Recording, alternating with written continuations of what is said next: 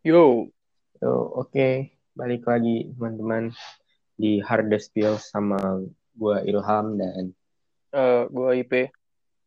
oke eh, jadi intro aja nih dikit. Jadi di sini kita bikin podcast nih gara-gara gabut ya, Pak ya. Yo, gara-gara kuliah libur. betul, kuliah udah libur nggak jelas daripada gabut. Mendingan kita bikin sesuatu yang produktif dan tentang judulnya nih Hardest Pills boleh dijelasin deh. Ya, jadi channel ini namanya Hardest Spills gara-gara eh, intinya yang mau kita bahas di sini tuh santai-santai tapi eh, Bahasanya kadang serius, ya aslinya serius. Cuma cuma kita bahas dengan santai. Soalnya di sini inti-intinya tuh yang kita bahas tuh ya emang opini-opini kita gitu loh. Mungkin untuk beberapa orang banyak yang susah untuk menerima opini ini. Makanya kita ngomongnya harder spills.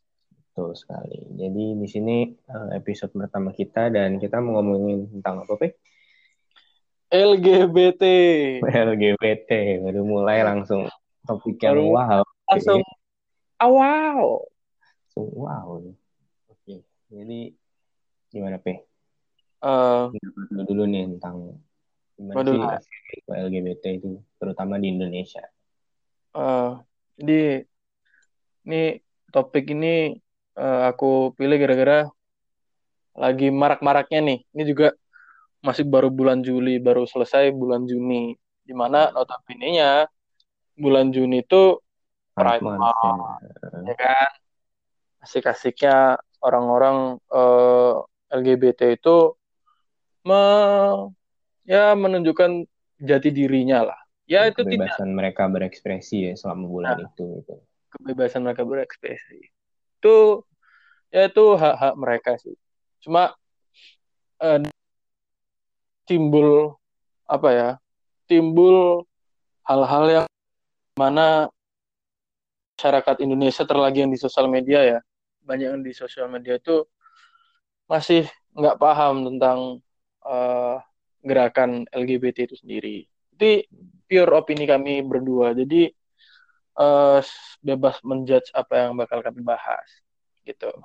Jadi kalau menurut gue nih di Indonesia sendiri kan ya emang dari dulu tuh nggak pernah muncul nggak pernah ada yang berani muncul terang-terangan mengaku oh gue nih eh, bagian dari komunitas LGBT di Indonesia karena nggak muncul aja juga udah di apa ya dilihatnya tuh sama masyarakat kayak rendahan banget kan Lu bisa sendiri Nah, ada.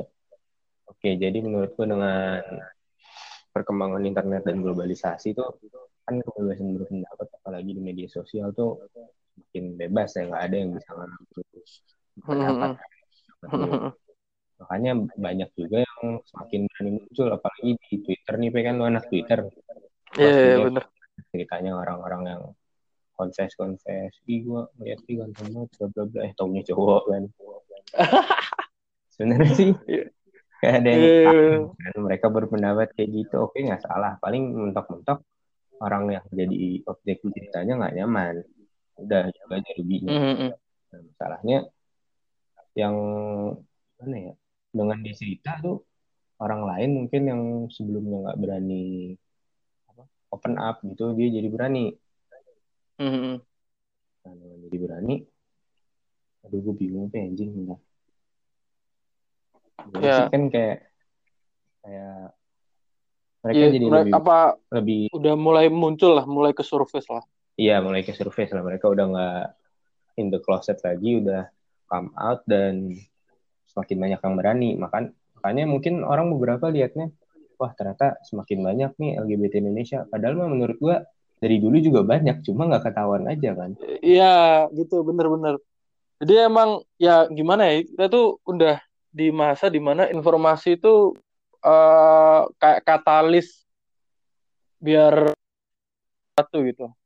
Jadi kalau dia mempermasalahan pun udah ada yang umur yang 45 ini apa berdasarkan yang aku cari-cari ya. Udah ada aktivis LGBT udah LGBT dari eh, 20 tahun lebih. nah iya tuh. Mungkin dulu kalau zaman tahun 2000-an nah dia udah mulai eh, aktif gitu. Cuma mungkin apa ya, wadahnya dia tempat dia beraspirasi kan kurang terdengar. Misalnya dia mau nulis ya gimana deh misalnya zaman dulu lu mau mengungkapkan opini ke orang banyak paling mentok-mentok lu tulis kolom di koran. Dan koran mana sih zaman itu yang cukup waras untuk mau menerima tulisan tentang LGBT pasti bakalan dikecam masyarakat ngapain gue ngeresikoin kan? Nah sementara kalau sekarang lu tinggal post di Twitter lu tag tag aja orang terkenal. Masukin hashtag terkenal pasti orang banyak yang baca. Dan makanya semakin kelihatan. Padahal menurut gue dari dulu juga jumlahnya udah banyak kan? Cuma ya gitu aja jadi baru kelihatan sekarang. Ini kita bahas opini kita ya dulu ya. Menurut yeah. lu um, menurut gua. Uh, okay. LGBT risih nggak risih sebenarnya gua sendiri sih gua nggak ada masalah sama lu mau mau suka sama siapa tuh bukan urusan gua kan mm-hmm. walaupun dari sudut pandang agama gua uh, by the way gua Islam dan itu kan cukup jelas dilarang gitu dan hmm. banyak orang tuh kalau misalnya kita membiarkan mereka ada itu apa orang-orang dari kelompok LGBT membiarkan mereka beraktivitas apa menyuarakan aspirasi itu bakal mengundang azab. Hmm. Nah, tapi menurut gue tuh kayak ya udah sih kalau emang emang Allah mau ngazab apa Tuhan mau ngazab kita ya udah dia ngazab kan. Intinya hmm. dari zaman dulu pun di luar negeri sana LGBT itu juga pasti jauh lebih banyak kan dari yang di Indonesia karena benar menurut gue apa cikal bakalnya bukan dari Indonesia tapi dari luar sana dan ya apa mereka ada azab ya udah ada. Pasti semua tempat menurut gue pernah ada azab. Hmm. di situ ada kaum LGBT ataupun tidak itu nggak ada korelasinya. Pasti ada aja yang bikin penyebab azab. Kan belum tentu belum tentu gara-gara LGBT juga kan kena azab. Hmm untuk risih apa enggak sih ya udah itu urusan mereka. Kalau lu hmm. mau pacaran tuh sama cowok di tempat umum pegangan tangan oke silahkan cuma kalau emang misalnya sesuatu yang lebih dari apa yang nggak pantas lah ditampilkan iya iya coba ya, misalnya tiba-tiba ciuman gitu di depan lu gimana ya gua nih di Indonesia sendiri kan emang orang ciuman di umum jarang ya mau ya. pasangan ya. apa heteroseksual pun gue lihat di, di tempat umum baca apa ciuman pun agak risih juga ya gimana ya lu di tempat umum bukan tempatnya gitu loh kalau di luar yeah, negeri normal bener. gitu kan mm-hmm. nah, ya, iya jadi kalau untuk ciuman risih atau enggak ya iya risih mau lu iya mau lu enggak tetap aja gue risih gitu loh karena iya yeah, benar cari tempat lah masa mesti di tempat umum banget gitu loh. Iya. Yeah. itu sih. kalau gue sih jujur nggak risih pak. Soalnya ya selama dia bisa uh, tidak mengusik nggak masalah. Uh, maksudnya nggak kayak goda-godain nggak kayak itu kayaknya tuh dikit deh nggak jarang deh orang-orang yang kayak LGBT yang goda-godain orang. Kayak iya sih selama itu kayak kita ya ya itu kayak kayak nggak jarang sih orang-orang kayak gitu cuma yang bikin risih itu beberapa oknumnya itu loh pak yang biasanya mereka itu uh, kalau kita nyebutnya social justice warrior Oh, atau SJW. Ya. SJW itu wah anjing. Mereka itu kadang bukan yang anggota LGBT-nya ya. Eh bu bukan anggota, apa ya? Bukan, pokoknya bukan bukan, bukan LGBT lah ya pokoknya. Ya, bukan orang LGBT-nya lah. Tapi kayak uh, mereka tuh bela opini mereka kayak gila-gilaan, Pak. Ada nih gue nonton video kayak kalau iya, nggak ngebela nggak mati kayak kalau nggak ngebela tuh bakal mati kan kayak iya pokoknya ini begini iya soalnya mereka udah kayak miskonsepsi gitu loh kayak sekarang tuh lu nggak dukung LGBT tuh banyak orang udah nyebut lu kok eh homofobik nih orang.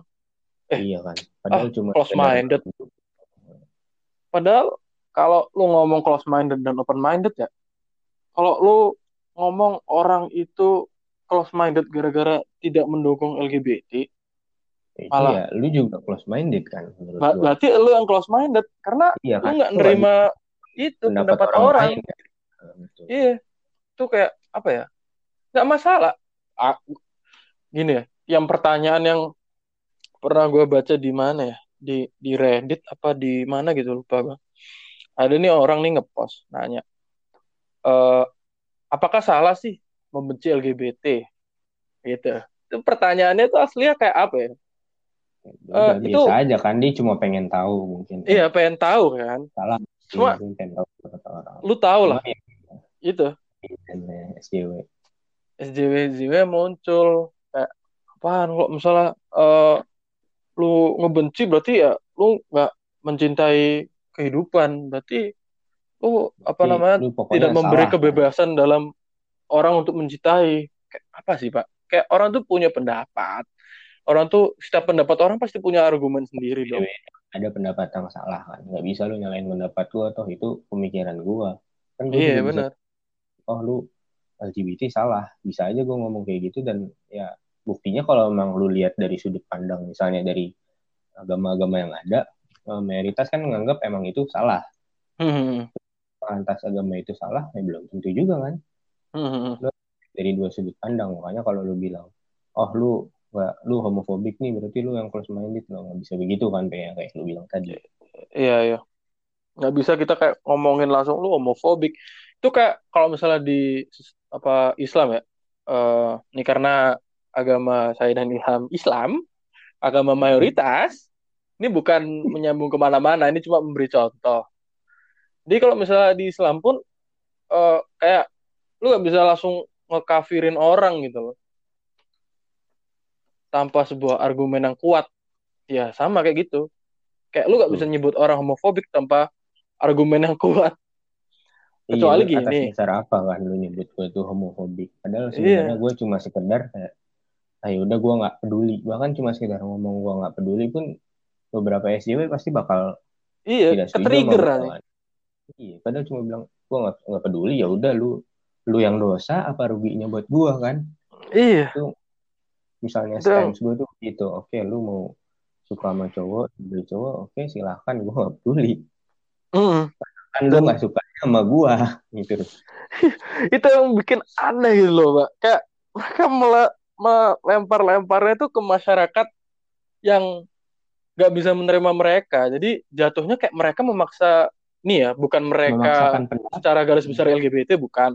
Tapi mereka yang dimaksud di sini tuh beberapa oknum ini yang merusak eh, aktivitas merusak apa, namanya kan. merusak nama mereka ini ya ini yang memaksakan gitu loh jadinya. Kayak jadi pamornya kayak jelek gitu loh kayak kalau misalnya lu mikir ya eh manusia itu kan kalau misalnya lu punya geng nih Heeh. katakan lu baik anaknya baik tapi geng tongkrongan lu yang lain itu nakal-nakal narkobaan lah lu sebagai anak buah tongkrongan ya bakal di judge Pas- pasti dicap jelek juga betul. ah itu itu sih yang ngerusak eh nama stigma dari masyarakat ke LGBT itu rusak gara-gara beberapa oknum apalagi kalau lu lihat di Twitter banyak banget kan akhir-akhir ini yang anak salah satu kampus di ibu kota ya gua nggak mau nyebut baca Mhm. nggak Pitretnya ada tuh yang cowok terus ngajak temen cowoknya ke kosan alasan mau minjemin buku terus macem-macem tau gak lu?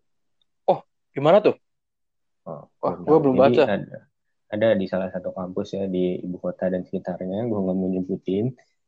Jadi dia tuh, eh ini dia mahasiswa dia cowok, terus dia dari yang gue baca ini gue juga dikasih tahu dari teman gue, itu tuh dia misalnya temennya ada yang mau minjem buku, oke iya bisa ambil di kosan gue, padahal mah bisa ketemuan terus dikasih aja, udah kan selesai. Tapi dia insist Hmm. yang mau minjem tuh harus udah sini main dulu ke kosan gue main ke kosan terus siang-siang panas di alasan kan udah ngadem aja dulu sini terus, terus buat minuman gitu ngobrol-ngobrol. Enggak enggak sampai gitu sih Oh, enggak. juga. Oh, iya. ceritanya.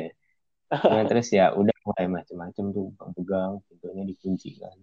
Terus akhirnya korban sih yang memberanikan diri kabur dan akhirnya diekspos juga ternyata korbannya udah banyak gitu loh. Oh iya? Heeh. buset. Dan- ini ini kayak Ya. ini dong berarti. Eh siapa tuh namanya yang Inggris itu? Oh Reinhardt Kedua alumni sekolah gua dong. Ah, bener bener Gitu bener. Jangan identitas kita jangan sampai kesebar sampai Oh situ. iya, Ha. yang benar benar betul. Cukup nama kita aja. Nama depan aja ya, nama panggilan Nama- ya. Nama panggilan aja, nama panggilan. Ya? Oke, Iya, boleh. jadi, jadi Parah ya sih. Pak kalau udah kayak gitu Pak.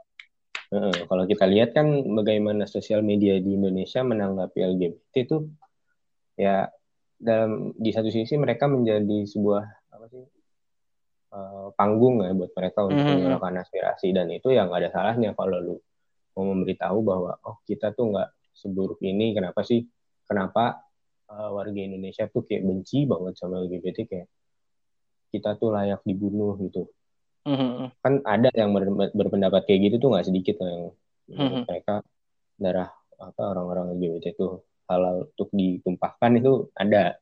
Mm-hmm. Dan walaupun memang mungkin perintah dalam kitab sucinya seperti itu, apakah harus di apa ya ditafsirkan secara harfiah kan? Zamannya beda tuh. Kita udah mm. zaman sekarang. Ya udah biarin aja mereka kayak gitu. Kenapa? Apa ruginya emang? Mm-hmm. Buat lulus nggak suka ya udah kalau menurut lu emang dia salah ya udah lu mungkin bisa ngingetin kan mungkin di sosial media ini di ada thread kayak gini lu ngasih tahu sedikit sudut pandang lu bahwa menurut lu itu salah. Tapi lu dengan catatan ngasih tahu baik-baik juga. Sekarang hmm. lu lihat kan orang komen langsung marah-marah. Ya gimana gue mau yeah. dengerin lu? Datang marah-marah. Marah-marah itu biasanya campur pakai bahasa Inggris kan? Iya bahasa Inggris yang wah tuh. Ya gimana ya? Aduh. campur-campur. Gue ngeliat nih aduh. Gak jelas hanya plus educate yourself. Itu udah anjing tuh ngapain coba? Lu sosokan pakai bahasa Inggris tapi grammarnya salah. Oke kalau lu mau pakai bahasa Inggris silakan. Gak ada yang mengatakan kebebasan berpendapat tapi ya seenggaknya bahasa Inggrisnya bener lah biar orang baca juga ngerti. Yeah. itu apa iya pak. Sekarang kan kayak gitu. Apalagi apa ya banyak yang mereka tuh bela gara-gara ya pengen dilihat orang ya gara-gara itu trending iya kayak... kalau misalnya at some point ada suatu kejadian meng mengubah bahwa oh tiba-tiba nama kaum ini nih LGBT tiba-tiba jadi jelek misalnya ya mm-hmm. dan ketika mayoritas warga dunia membenci kaum LGBT pasti mm-hmm. banyak juga tuh yang pindahnya ikut-ikutan doang iya pasti. di awal mereka nggak benar-benar mendukung mereka cuma lihat oh oh yang ini yang lagi rame nih oh, gue ikutan lah biar nama gue kelihatan nih. Ini ini ikut gue dukung dah. Biar apa Instagram gue insightnya banyak. Eh, apa sih? banyak nih teman-teman gue salah satu yang paling gampang ya gue ngelihat dari gimana ini di Indonesia apa namanya orang itu dukungnya beneran apa enggak? Eh uh, sorry batuk. Jadi gue kan habis nonton video nih ada video dari video ASEAN apa? Bos. Ayo, oh, kirain. bukan bang, bukan, bukan, bukan. kirain, YouTube, YouTube nonton YouTube, oh, bukan YouTube, yang, yeah. bukan yang titup. Oh nah, iya, oke. Okay. nah di sini tuh uh, ada, gue nonton dua video, ada yang dari ASEAN Bos. Dari ASEAN Bos tuh uh, medianya media internasional ASEAN Bos. Hmm. Terus ada satu lagi lupa gue namanya. Itu yang dari sudut pandang apa media Indonesia gitu. Kalau di ASEAN Bos tuh eh, pertama mereka ngasih kasus dulu. Jadi dia ngasih kasus kalau di Indonesia tuh pernah ada polisi yang dipecat gara-gara dia ngaku kalau dirinya tuh gay gitu. Nah, okay. ditanya tentang pendapat Nah, sebelum lanjut nih, menurut lu kalau misalnya lu dikasih tahu ada cerita bahwa polisi ada yang dipecat gara-gara gay, pendapat lu gimana? Menurut gua, apakah eh. uh, orientasi seksual polisi itu yaitu dia gay berpengaruh kepada uh, performa dia sebagai polisi? Mm-hmm. Ngaruh nggak?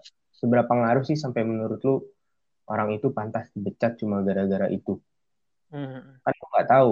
Kebetulan dia ngaku dia itu gay, dia suka sama uh, yang jenis kelaminnya sama. Mm-hmm. Kalau misalnya sebenarnya mungkin ada juga ya, gue nggak bilang pasti ada, mungkin ada juga uh, anggota apa, polisi yang orientasinya lebih aneh lagi, misalnya pedofil. Mm, itu ya, itu bahaya juga. Menurut gue nggak bisa ditoleransi sama sekali ya kalau LGBT gue masih bisa oke. Okay. Tapi kalau udah pedofil udah lewat tuh batasnya. Udah, udah udah lu nggak usah hidup aja lah itu benar-benar nggak bakalan bisa gue terima sampai kapan pun ya hmm. dan itu jelas lebih parah daripada seorang gay hmm. dan bu mungkin bahkan ada kalau lo lihat cerita-cerita di luar negeri dan di Indonesia sendiri itu banyak orang kaya yang seleranya aneh-aneh. Ah, gua tahu nih pembahasannya nih. Tahu Jeffrey Epstein tuh. Iya iya. Tahu Jeffrey Epstein tuh uh, uh, warga negara Amerika. Dia orang kaya banget, bisnisnya gue lupa properti kalau nggak salah dan dia terjerat kasus beberapa tahun lalu karena dia apa ya trafficking human trafficking apa sih bahasa Indonesia ya, pokoknya ya. dia dia tuh pedofil bukan pedofil juga sih pokoknya dia demennya sama uh, cewek-cewek underage ya di bawah umur teenage, 17 teenage ya, gitu. Ya. dan itu jelas salah dia umurnya udah berapa dan dia kayak gitu dan dia membantu menyebarkan gitu kepada sesama orang kaya yang seleranya sama. Itu jelas banget salah kan Iya itu bahkan kelewatan batas itu pak. di antara poten apa list kliennya yang katanya kliennya itu termasuk nama-nama orang terkenal seperti Presiden Amerika Donald Trump katanya kliennya dia. Bahkan apa uh, Prince of England Prince Andrew ya kalau nggak salah uh, suaminya Queen Elizabeth tuh katanya juga termasuk kliennya dia. Oh. Dan apa yang terjadi? Dia mati. Katanya bunuh diri. Katanya ya. Gue nggak penjara itu mati ya katanya? ya, bunuh diri. Dan hmm. itu kita lihat itu tuh ternyata orang kaya aneh-aneh juga seleranya kan? Nggak menutup hmm. kemungkinan jajaran pejabat di Indonesia ada yang kayak gitu. Hmm. misalnya ada. Dan mungkin orang-orang tahu orang-orang di sekitar si pejabat ini tahu tapi dia nggak diapa-apain kenapa karena dia pejabat hmm. sementara yang dipecat itu yang G tadi kemungkinan apa angkatnya apa rendah masih P rendah rendah lupa tapi rendah Bribda, Bribda, Bribda rendah apa enggak ya? Enggak tahu aku. Ya pokoknya bukan pejabat ya, bukan pejabat tinggi. Bukan, bukan, ya. bukan. Nah, lupa Brigade, Bribda. Bribrinya bukan depannya. Ya. Misalnya ada pejabat polisi yang udah cukup tinggi, terus udah ketahuan gay, gak bakalan tuh sampai kayak gitu. Pasti hmm. bakalan hmm. ditutup-tutupin. Iya, soalnya tuh efeknya domino, Pak. Pasti. Pasti. Katakan ini pejabat nih ya. Pejabat tinggi posisinya udah amit-amit lah kita ngomong dia udah kayak uh, bawahan langsung dari Kapolri lah katakan ya. Kapolri iya. Ya, katakan tuh dia kesebar nih. Uh, bukan bukan rumor lagi udah udah kesebar bahwa ya ini orang uh, orientasi seksualnya katakan gay. Nah, itu pasti apa ya? Kan masyarakat Indonesia sendiri masalah gay, masalah LGBT kayak gini itu kan masih pro kontra ya sangat sensitif sekali ya di sangat ini. sensitif kan kan pasti itu udah langsung wah itu langsung kesemprot langsung, tuh kesemprot pertama Kapolri-nya langsung Kapolri habis Kapolri presiden. Nah presiden, nanti pasti, pasti nyebar nyebar ke mana-mana berita bahwa wah presiden ternyata membolehkan membiarkan uh, bawahannya itu, ada yang LGBT nah kayak gitu pasti. Itu, itu udah pasti tekanan apa pressure dari masyarakat tuh bakalan ya mau nggak mau dong dipecat. Karena sebagus apa pun kinerja lu kalau lu ketahuan kayak gitu melakukan sesuatu hal yang menurut ya, melanggar norma pasti lu bisa turun misalnya dalam sebuah pemilu nih misalnya ada dua orang maju satu orang reputasinya bagus kerjaannya bagus pokoknya dia udah kandidat cocok banget buat jadi wali kota nih misalnya. Hmm. terus satu lagi ya biasa aja oke itu orang nggak jelek cuma yang sebelumnya ini si A lebih bagus. Terus tiba-tiba keluar skandal ternyata si A G dan itu terbukti benar nggak terpungkiri bahwa dia emang G. Pasti gue berani hmm. jamin yang menang B.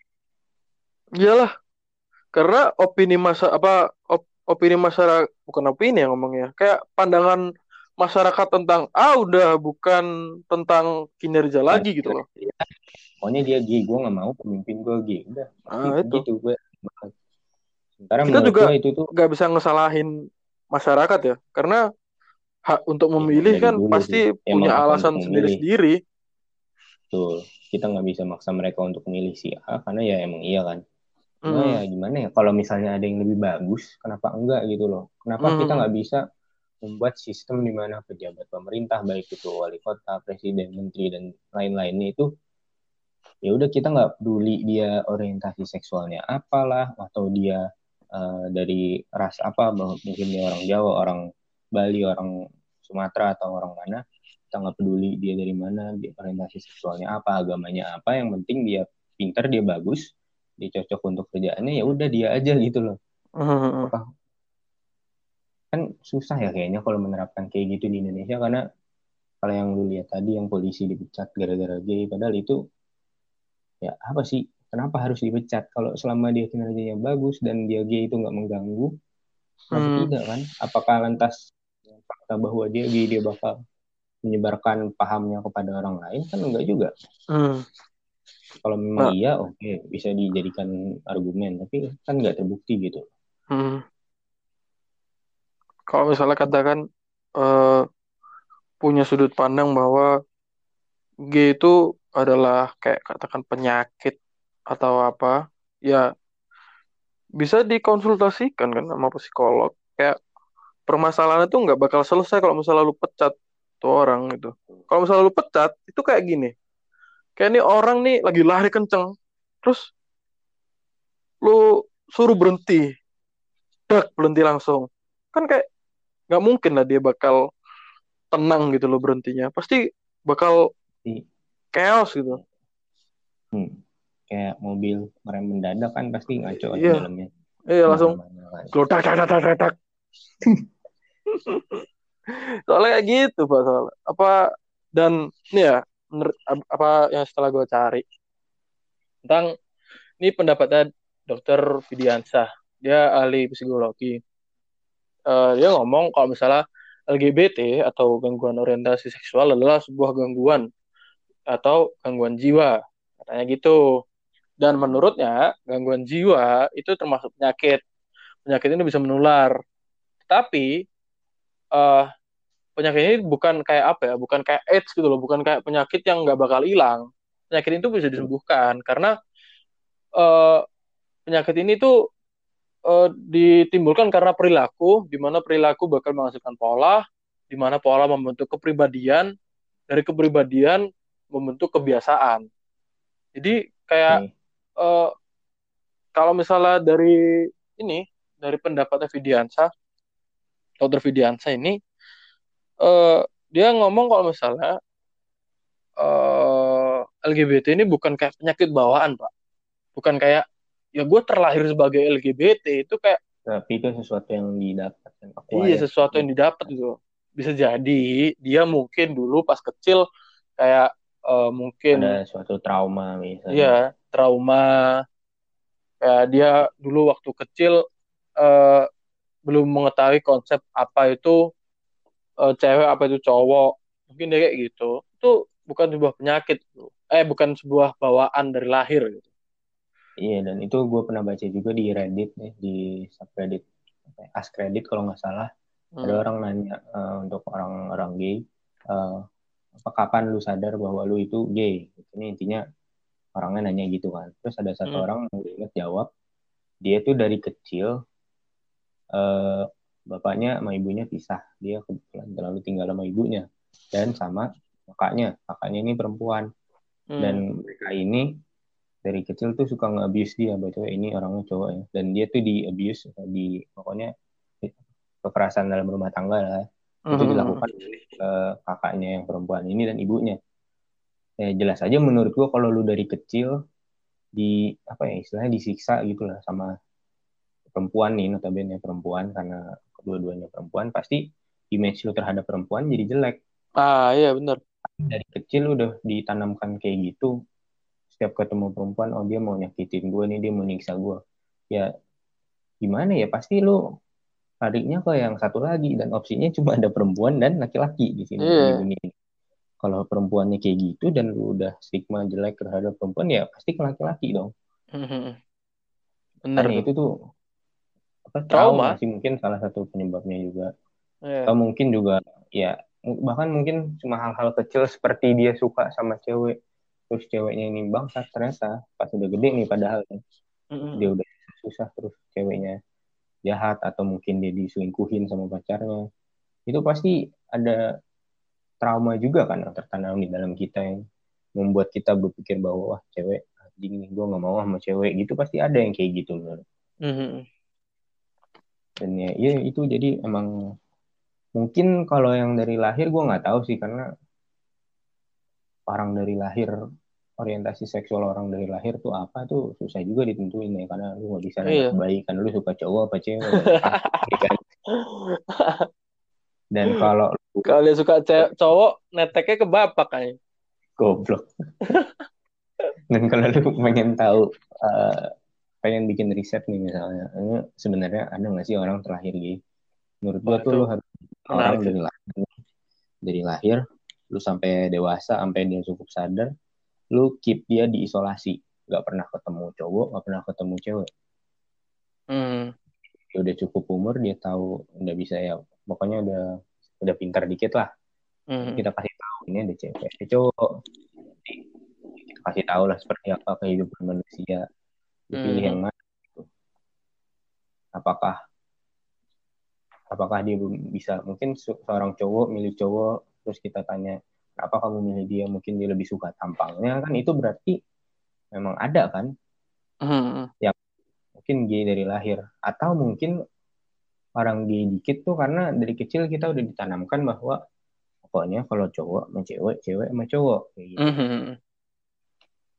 jadi Kayak mindset apa lawannya LGBT itu udah tertanam di kita dari kecil dan gue yakin kalau misalkan dari dulu banget LGBT itu lebih lazim di dunia pasti hmm. ya udah itu normal-normal aja bahkan mungkin Ah, itu. heteroseksual di minoritas itu masalah society ya apa masyarakat sekitar kita kan Hmm. Nah, pengaruh paling besar menurut gue.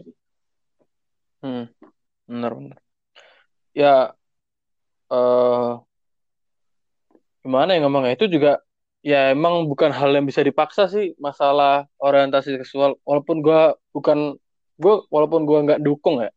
Ya, gue Maksudnya bukan ini cuma sekedar kan tadi gue bodo amat ya. weh. iya kayak ya kita sebagai orang yang lu hetero kan? Ham? Oh iya jelas Oh, ya kan lu Untung-untung. tahu. Oke, oke. Eh bagi kita sebagai orang hetero ya kita nggak bisa memaksakan kalau hal yang dilakuin itu normal gitu ya kan.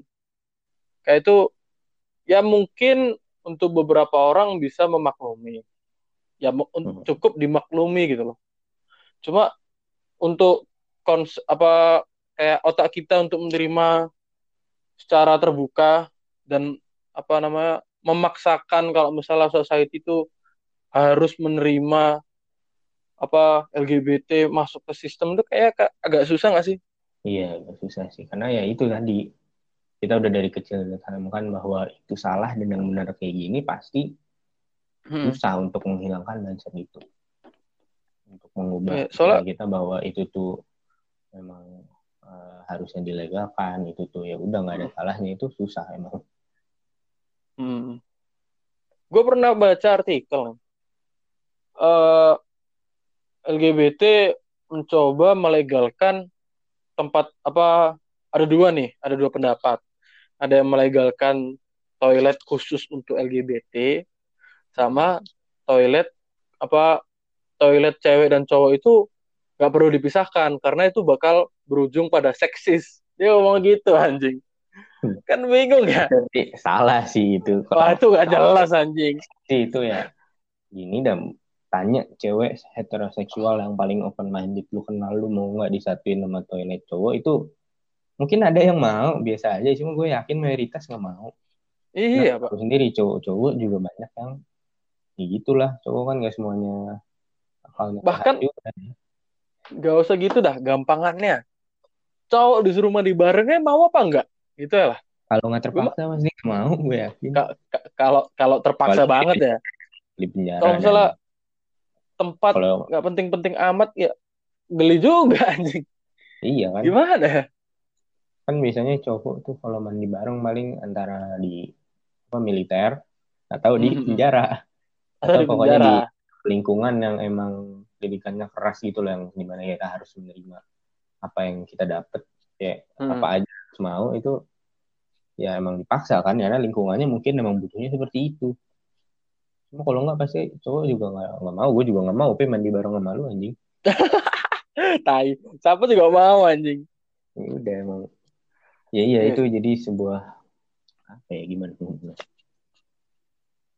Tuh kayak eh, oke lah kalian punya pendapat kalian cuma tolonglah kalau misalnya itu jangan dipaksain gitu loh soalnya itu maksa pak jatuhnya kalau lu makin maksa nih orang makin makin batu makin iya anjing. Kita yang dipaksa makin mager juga. Nih ah tai lu. Gak jelas anjing.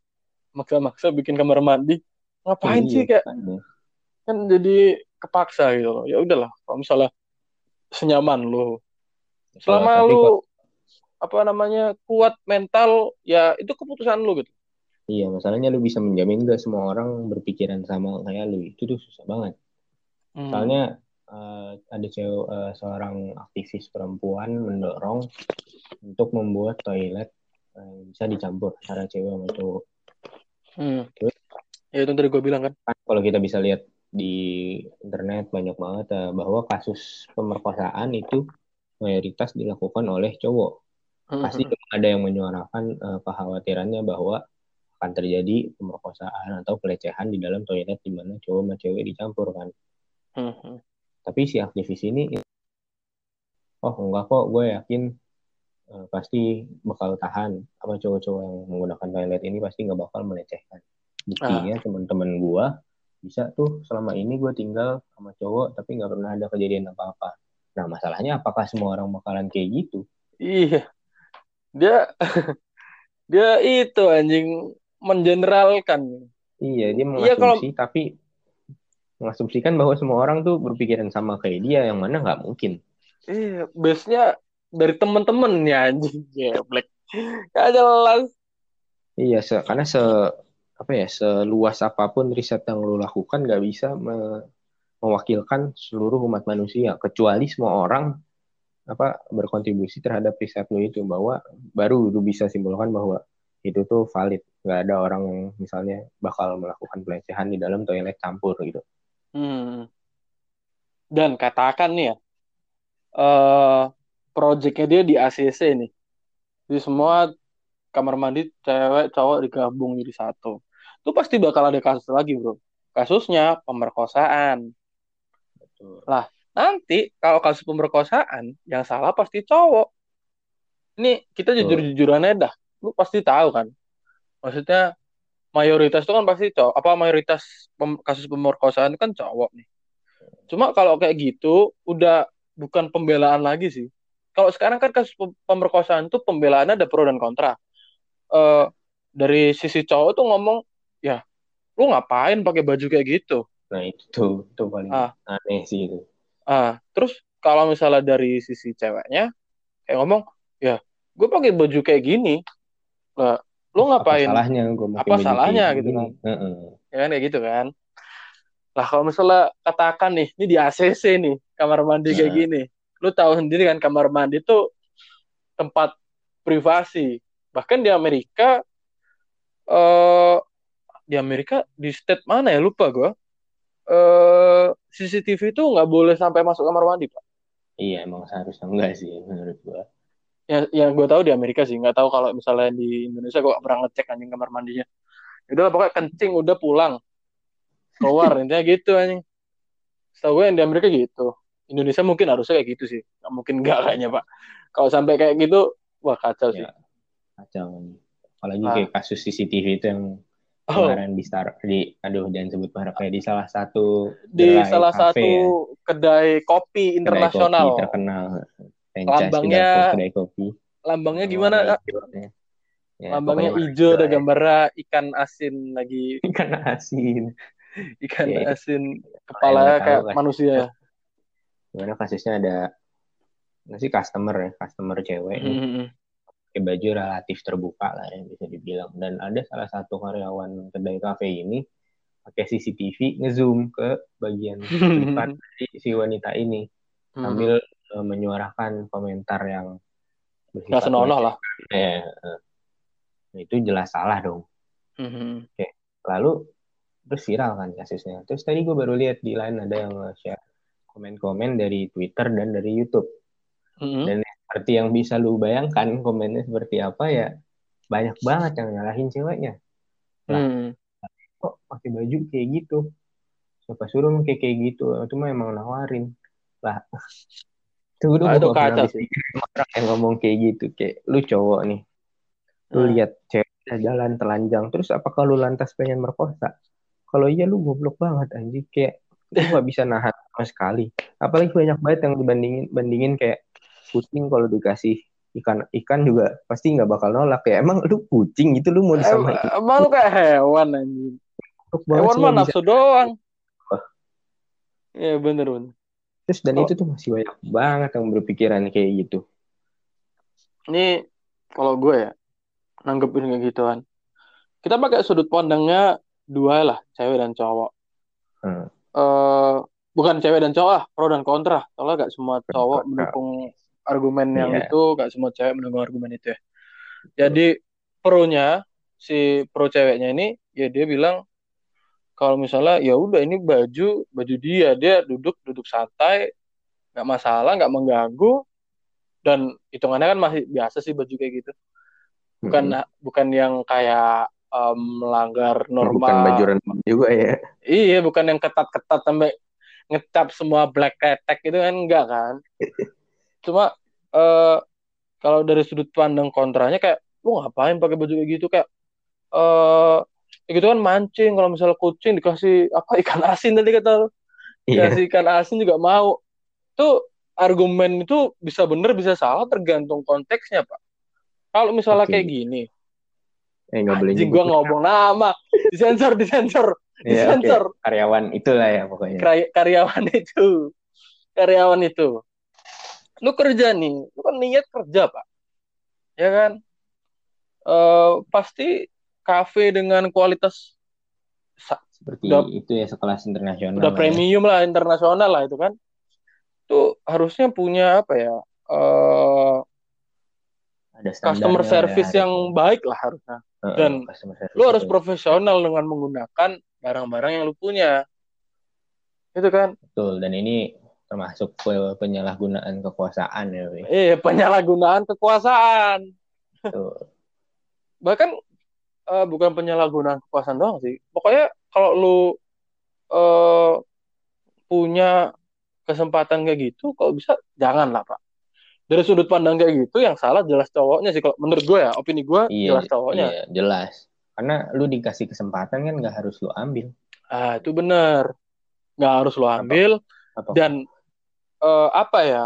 Ini cewek kan aslinya mungkin kita nggak tahu latar belakangnya dia kenapa pakai baju kayak gitu. Ya walaupun bagi Ya, beberapa sih. beberapa lawan jenis kayak wah gede tuh kayak Hmm. wah tertarik ya ah ngundang nih kayak wah ngundang nih kayak ya udah kalau misalnya lu ngerasa lu diundang ya udah biarin aja gak usah kayak lu nggak usah diturutin undangannya Nggak usah diturutin, harus- anjing. Kayak apa ya gak usah lu cukup lah di otak gitu loh Ya idea udah kayak lu- gitu tuh iya. cukup berhenti di otak gua, Iya kalau lu ngelihat misalnya lawan jenis lu lawan jenis yang apa menarik mata ya udah lu lihat lu ya udah apa salahnya gitu loh kalau ngelihat Iya. selama lu nggak mengganggu eh, si orangnya ini kan kalau misalnya Ah. lu dari jauh ngelihat mengagumi gitu lah ya istilahnya Hmm. ya ya udah selama lu keep to yourself gitu loh ya Hmm. ya udah buat lu aja simpen aja di otak lu gua nggak perlu tahu lu mikir apa kan iya benar apalagi sampai diupload ke story Instagram Wah, tuh- kayak gitu. Wah, tuh goblok banget pak sumpah. Ditaruh snap apa snapgram anjing.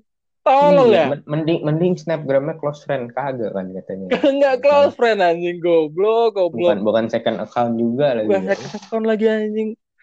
Aduh aduh. rekamnya salah tambah diupload sih goblok. Eh, tapi gimana ya Am? Itu emang kayak nggak semua laki-laki kayak gitu cuma ini nih yang bikin laki-laki jadi apa ya jadi namanya tuh jadi jelek kan. Betul. pikirannya bokep mulu. Kalau misalnya ada kasus pemerkosaan pasti laki-laki Pasti- kayak gitu kan pasti yang disalahin pertama eh, enggak sih menurutku kalau pemerkosaan memang iya mayoritasnya itu kan laki-laki pelakunya dan apa namanya yang disalahin pertama laki-laki ya kan? Mm. tapi banyak Ya. juga kan yang ujung-ujungnya nyalahin perempuan Hmm. sekedar gara-gara bajunya. Coba Hmm. kalau misalnya ada berita baru siapa diperkosa oleh bababa, gue berani jamin komennya pasti ada. Mbaknya pakai baju ketat kali atau mbaknya bajunya terbuka ya pasti ada yang komen kayak gitu. Padahal Hmm. masih ceweknya ini pakai baju apa atau lagi ngapain aja belum nggak ditulis gitu loh di berita itu dan orang asumsinya langsung pertama ke arah sana Mhm. dan itu tuh jelas salah banget kan Mungkin karena emang dari kecil dulu lagi kayak tadi yang eh, LGBT mungkin dari kecil diajarinnya kayak gitu Mhm. kalau ada yang pakaian terbuka berarti dia minta dilecehkan itu kan Itu Iya. geblek sih. Kayak tapi emang ada gitu loh yang Aneh gitu. gitu dan kayak apa ya? yang gue bingung sesama cewek ngalahin ceweknya itu tuh kayak otak lu di mana anjing ada juga lu bantuin cewek ini dia pasti trauma dong Iya ya bener. Kasus pemerkosaan ini malah lu salahin sesama cewek anjing anjing Ini Indonesia tuh kayak gitu pak. Apa ya? Eh, kita sebagai orang yang eh, bersimpati sama korban-korban kayak gini, kadang dimanfaatin manfaatinnya jelek pak. Contoh nih, gue kasih ya, gue kasih kasus nih. Ayo, Jadi main. ada cewek nih. Ini katakan kita manggil ceweknya A ya namanya. Dia itu eh an- ma- baru masuk sebuah universitas di TTTT adalah tempatnya. Lah di universitas ini dia tuh ngekos gitu dekat sama universitasnya ngekos. Terus eh, di kosnya ini kayak ada aturan gitu nggak boleh pulang malam, nggak boleh apa namanya nggak boleh bawa laki-laki karena dia cewek kan. Ya nggak mungkin lah kos yang nerima mahasiswa doang menerima lawan jenis masuk gitu. Nggak boleh lah biasanya. Terus di sini tuh dia kayak kenal gitu sama cuttingnya. Cutting dua tahun di atasnya. Oke. Nah, gitu kan. Terus dia itu katanya kayak awalnya tuh biasa aja. Ya kayak dia kayak biasa-biasa aja kayak ya udah sekedar teman gitu lah. Hmm. Terus lama kelamaan cutting ini nggak tahu katanya tuh baper. Bukan baper sih. Sebelum baper nih, sebelum baper nih ya. Sebelum baper, sebelum Hmm. baper. Dia tuh kayak ngajak nonton gitu loh. Ya, saya udah mulai ke baper cuma masih bahasa basi doang sih. Terus ngajak nonton, pulangnya malam. Nah, Lah mereka pulang itu ke kos si cowoknya dulu gitu loh. Oke. Oke. Nah, tar. Gue kasih latar belakang dulu ya. Ini cowoknya ngajak ceweknya nonton. Lah, cewek nonton. Terus apa namanya? eh ngomong kalau eh, apa namanya itu ya intinya dia ngajak lah. Lu sebagai cewek kan bisa menolak, bisa nggak menolak kan. Tuh. Nah, bener kan? Itu kayak pilihan lo. Tapi ini karena Mm-mm. cewek udah ikut nonton, ya udah berarti kan berarti dia nggak menolak kan ajakannya. Nah, Oke. terus katanya itu dia pulang dari bioskop katanya kemalaman.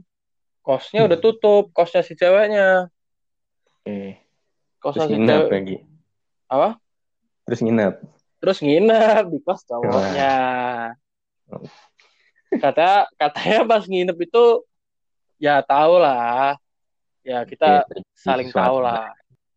Ya, dilanjut ke kasus yang pelecehan di suatu kampus tadi, P, boleh dilanjutkan? Oh, sampai mana gue anjing? Eh, terjadi sesuatu lah ya, dia pulang. Ya ya benar-benar terjadi sesuatu ya. Gue gak mau lah ngomong itu sesuatu apa karena gue gak tahu secara detailnya. Bisa jadi yang berlebihan, bisa jadi yang biasa-biasa aja. Kayak itu berlebihan dan biasa-biasa Oke. aja tuh sudut pandang mereka lah. Terus besoknya pulang. Gue nggak tahu kayak ini kenapa mereka tuh katanya ini berdasarkan cerita yang gue diceritain ya, bukan yang gue baca langsung, tapi ini sudut pandang dari orang lain. Katanya itu dia sempat kayak jalan lagi kayak gitu lagi nginep. Hmm. Katanya nih cewek ngomong kalau dia tuh ditahan di kos-kosannya si cowok gitu. Ditahan. Ya kan? Katanya. Katanya ditahan. Kata si cewek ini sendiri nih, dia ditahan seminggu apa? Berapa hari gitu, ada lah hitungan hari lebih. Gitu kan. Terus eh apa itu namanya? Dia itu akhirnya setelah tahun kedua, gue nggak tahu alasan dia kenapa ngajuin ini kasus, dia ngajuin. Dia ngomong kalau misalnya dia dilecehkan gitu loh bukan dia ngomong diperkosa dia ngomong dilecehkan soalnya dilecehkan lebih lebih luas lah. Bisa aja lu di grepe-grepe atau nggak dilecehkan kan bukan diperkosa Iya. kayak dipaksa kayak gitu-gitu kan. Nah terus kata dia ditahan selama beberapa hari. Cuma ini jadi bikin nama cowoknya itu apa ya jelek banget gitu loh. Karena kalau misalnya lo Pasti. perhatiin nggak mungkin dong cowoknya itu ke kosan ceweknya habis itu ceweknya dipaksa ke kosnya kayak ditarik diikat itu nggak mungkin aja Betul, pasti ada ya nggak mungkin dipaksa. iya nggak mungkin fisik sih menurut gua nggak mungkin, tapi pemaksaan itu bentuknya banyak sih. Jadi menurut gua mungkin dipaksanya tuh diancam.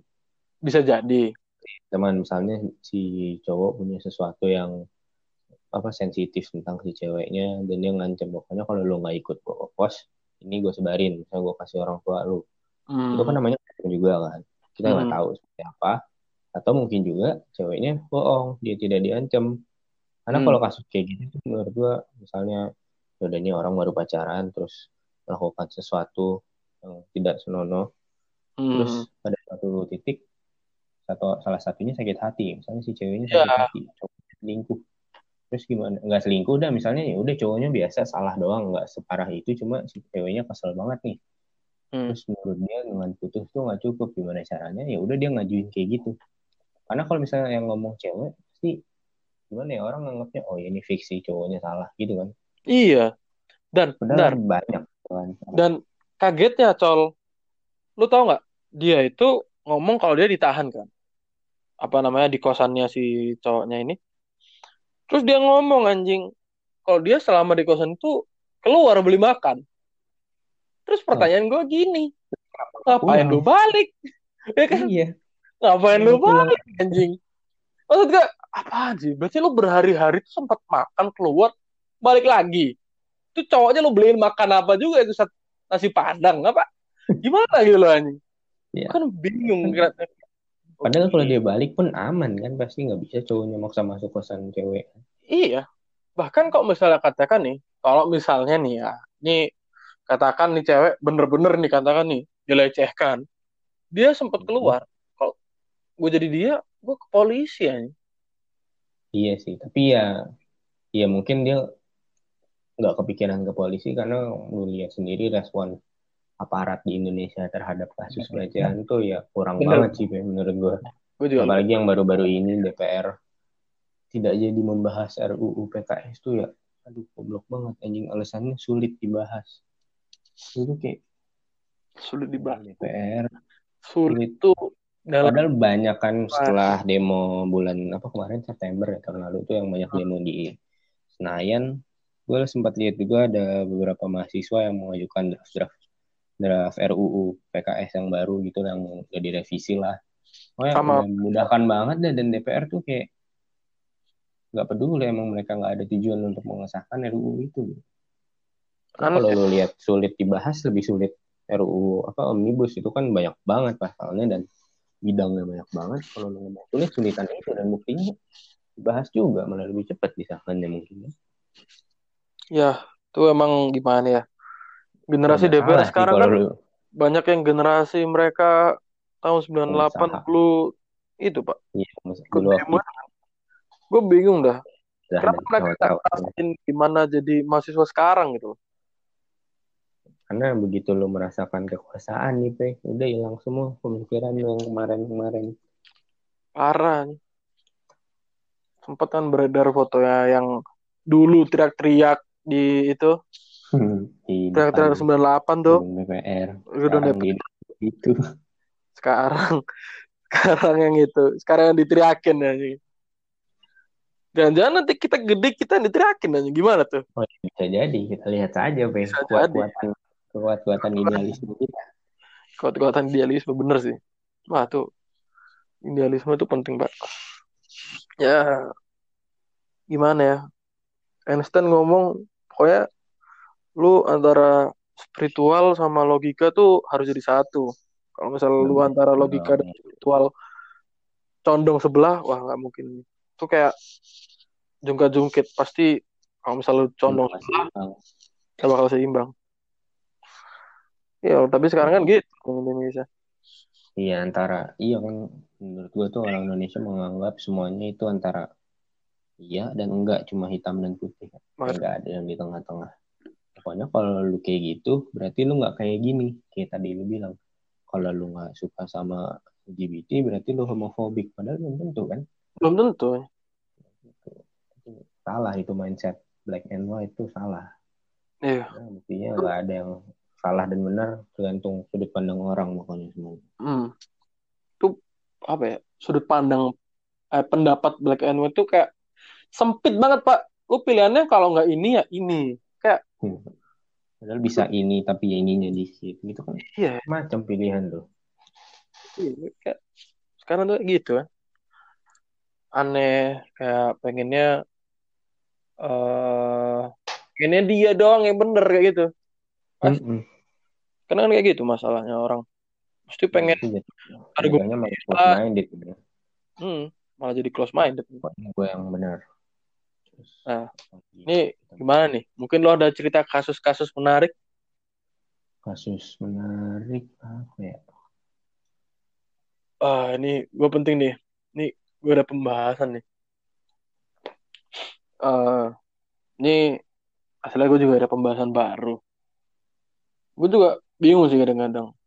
Aslinya eh apa itu namanya Indonesia nih SJW SJW itu kiblatnya tuh mana sih? Gue bingung Hmm. kan. Kadang mereka bikin opini mereka itu berdasarkan ideologi dari negara yang ideologinya tuh beda sama kita, bukan jauh ya, tapi beda gitu loh. Kayak kadang tuh ada orang yang eh, teriak-teriak kalau misalnya eh, balik lagi nih ke LGBT tadi kayak Oke.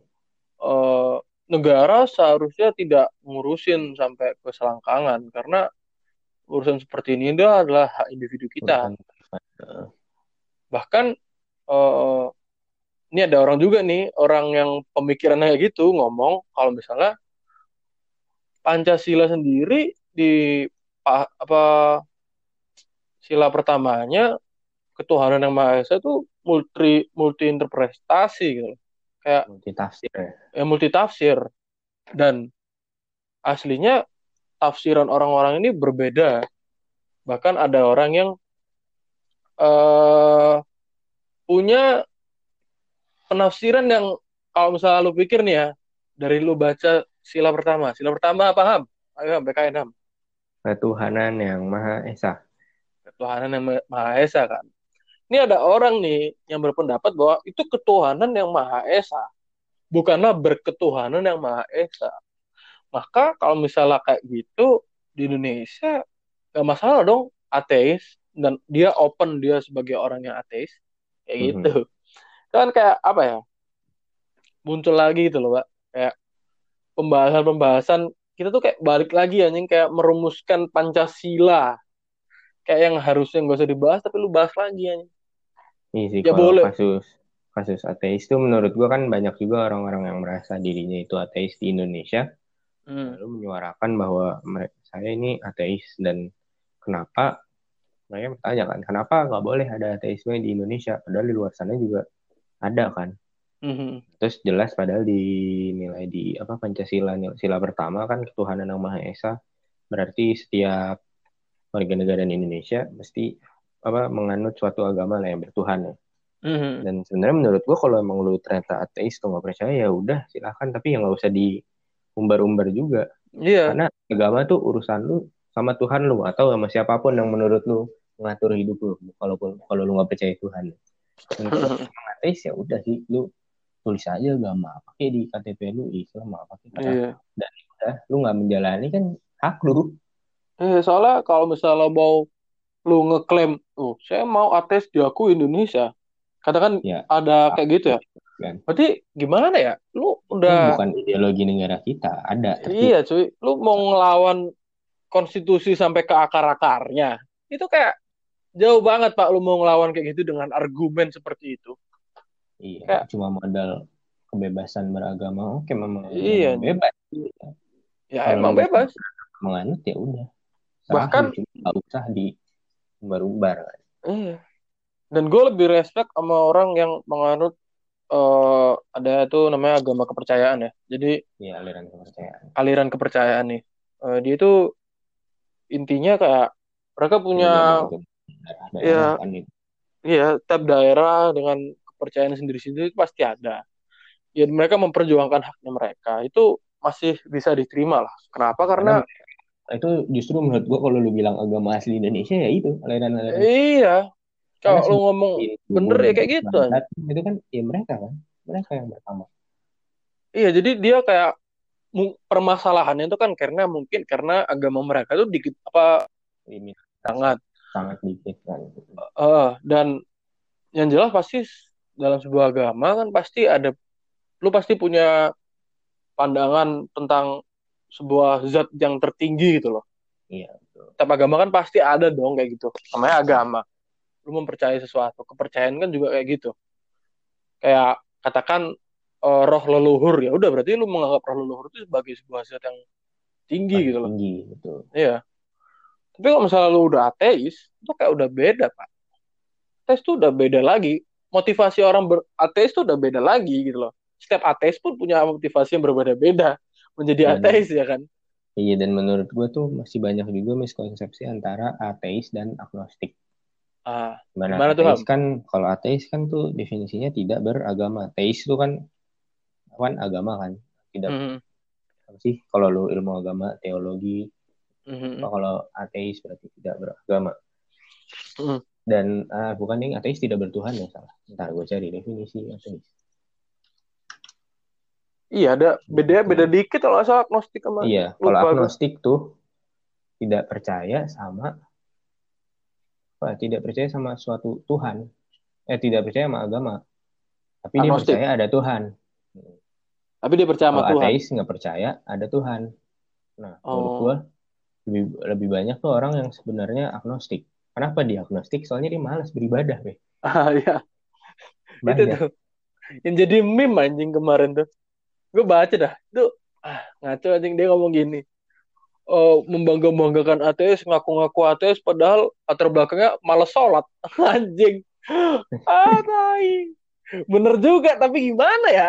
Ya, nggak Ya, mungkin ada yang ngomong, ya, ya saya agnostik karena malas sholat. iya padahal sebenarnya cuma malas ibadah malas sholat malas puasa pengen ini pengen itu yang dilarang kan Iya, jadi dia pengen bebas. Ya nggak masalah, Pak. Ya, kalau pengen bebas itu ya nggak masalah. selama lu gak merugikan orang lain lagi sih kembali menurut gua Hmm, Bener-bener. karena menurut gua dari awalnya ada penciptaan agama-agama itu tujuannya ya biar orang tidak saling merugikan Hmm. karena itu kan sebagai suatu sistem yang apa ya mengontrol perbuatan kita kan. Kalau kita berbuat sesuatu yang merugikan orang lain kita dosa. Oh masuk akal banget dong. Dan ya udah selama kalau lu misalnya nggak percaya pada pada apa terhadap agama-agama atau Tuhan-Tuhan yang ada di dunia ini dan lu nggak merugikan orang lain ya gue gak ada masalah sama lu kan. Nggak apa-apa dong. Hmm. tapi kalau lu lantas lu terus gara-gara misalnya di semua agama pasti melarang pembunuhan.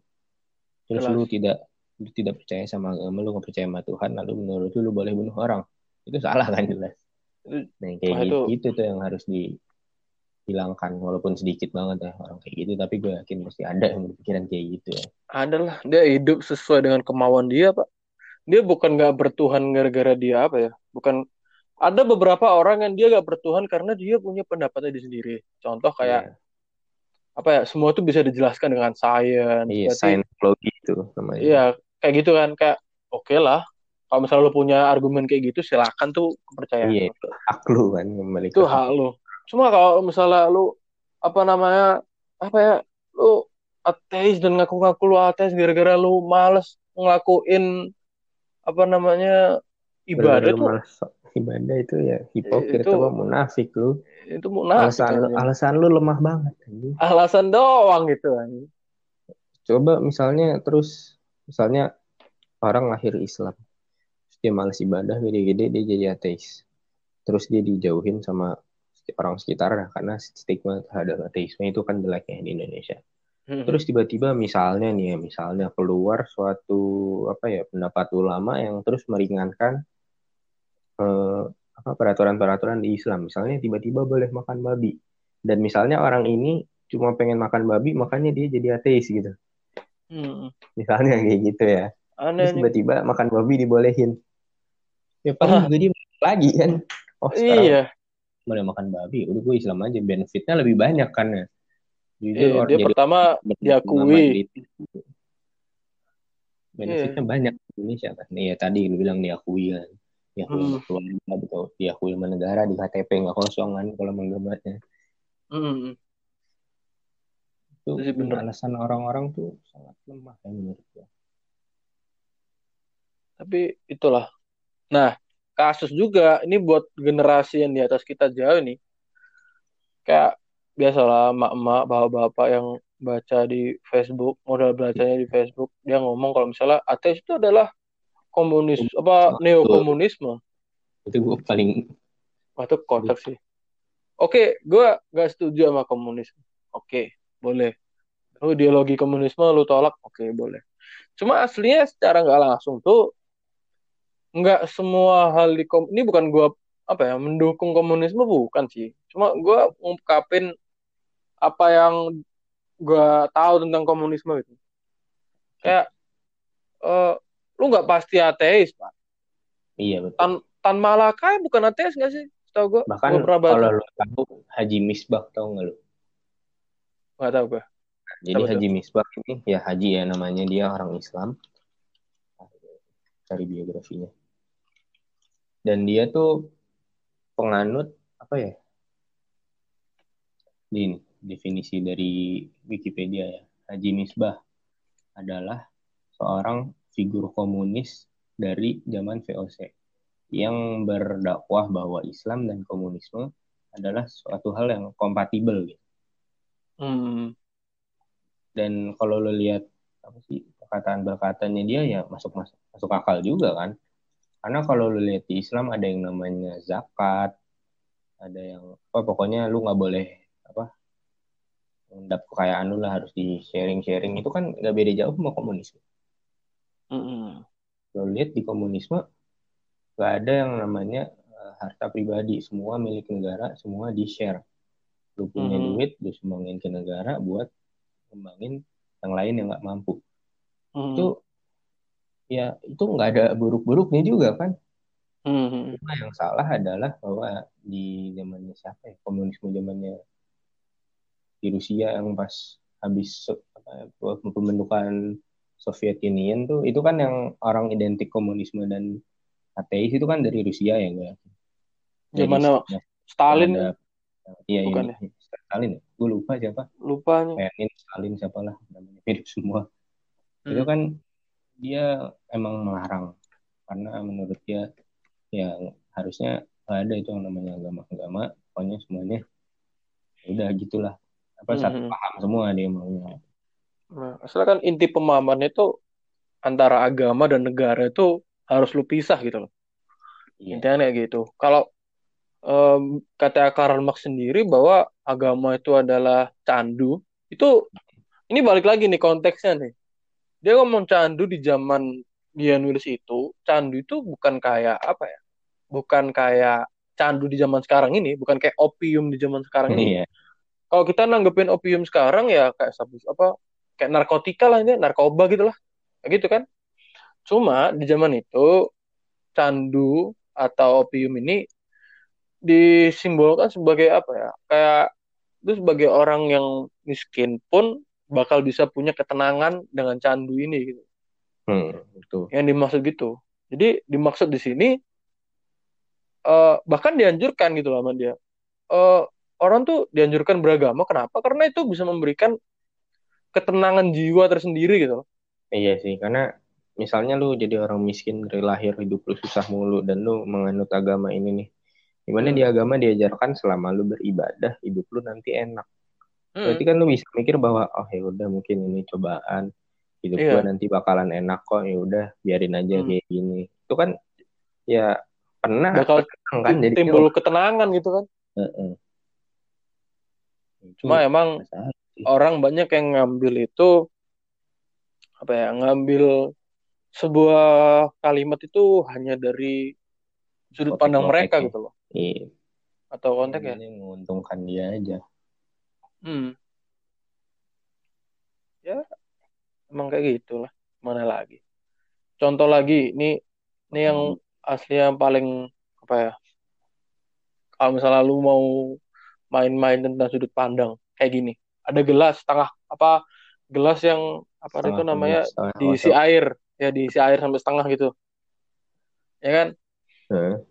Ah, kalau misalnya lu diliatin kayak gitu lu ngomongnya apa Iya, setengah, Setengah kosong apa? setengah penuh? setengah penuh kan itu aslinya itu pertanyaannya itu jebakan pak karena lu ngomong setengah kosong dan lu ngomong setengah penuh pun tuh dua-duanya salah kenapa soalnya tergantung eh, konteks dari Iya, dari isi Gelasnya. penuh tuh penuh tuh apa? Terisi air doang? Apakah terisi Ah. apa? Karena kalau lu bilang penuh ya bisa aja gue bilang penuh itu air, sisanya udara kan? Itu penuh. tapi Tapi juga kalau- bisa gini ini ada air penuh terus lu tuang airnya sampai sisa setengah itu berarti ngomongnya sisa setengah berarti kan apa kosong setengah gitu loh berkurang setengah Iya. kan ngomongnya tapi kalau misalnya lu isi gelas kosong lu isi sampai airnya jadi setengah berarti kan lu ngomongnya setengah penuh. Ya nggak Nih, kita kita nggak bisa nentuin dong itu setengah penuh apa setengah kosong. Iya, nggak tahu sebelumnya itu Ah. gimana. Hmm. Nah, kayak gitu itu. Sudut pandang sudut pandang kayak gitu itu asli yang penting gitu loh buat orang-orang apalagi ini biar nah, sama-sama belajar lah. Biar kalau misalnya kita tuh melihat konten suatu konten suatu me- apa eh, berita yang disebarkan oleh media tuh nggak asal kita ambil headline-nya doang. Ini kan penyakit Indonesia kan kayak gitu, Pak. Iya, malas membaca. Malas membaca ya. Ditambah medianya juga bikin headline tuh yang apa ya? Media tuh bikin headline Ya, dia dia nggak ya. salah. Dia emang sengaja mancing. Dia bikin kayak gitu nggak salah. Kalau lu baca di artikelnya ya memang mungkin hal yang ada di headline tuh ada di artikel. Cuma konteksnya lagi kembali konteksnya salah. Hmm. Ya, itulah pentingnya. Tapi Indonesia aneh anjing, Pak. Masyarakat, apalagi gue dari sudut pandang Twitter ya. Masyarakat Twitter Indonesia tuh aneh anjing. Mager Gimana baca, tapi suka ngetik. Banyak baca tapi malas baca. Ya. Eh, banyak baca tapi malas baca. Bingung anjing ngeliatnya. Kenapa nih orang? Ya, itulah emang. Itu tapi seru anjing.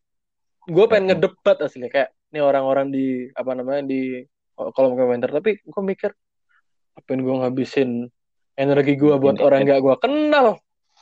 Ya udah biarin aja dia salah ya. Iya, tahu.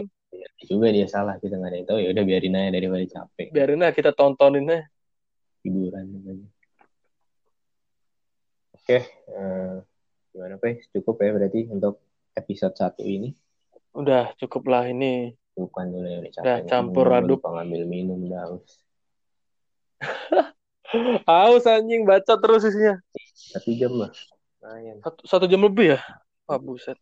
Bacotin dong satu jam. Jadi kita cukupkan dulu untuk yang ini. Terima kasih kalau udah dengerin sampai sini. Ya, ini Dan- sebelum kita tutup, mohon maaf juga ada salah kata. Kami semua menerima pendapat. Kalau misalnya ada yang kita apa ungkapkan ada yang salah atau ada yang men-trigger orang, mohon maaf. Ya, bukan maksud kita kok untuk trigger ya. Hmm. Ya cuma ingin mengungkapkan pendapat kita aja, opini kita. Mengisi kepenatan libur-libur corona, Libur nggak jelas. libur Libur gak nggak jelas. bisa keluar nggak bisa ngomong. Oke lah. cukupkan dulu. Terima kasih sekali lagi untuk yang sudah mendengar. Dan Oh. assalamualaikum. Waalaikumsalam.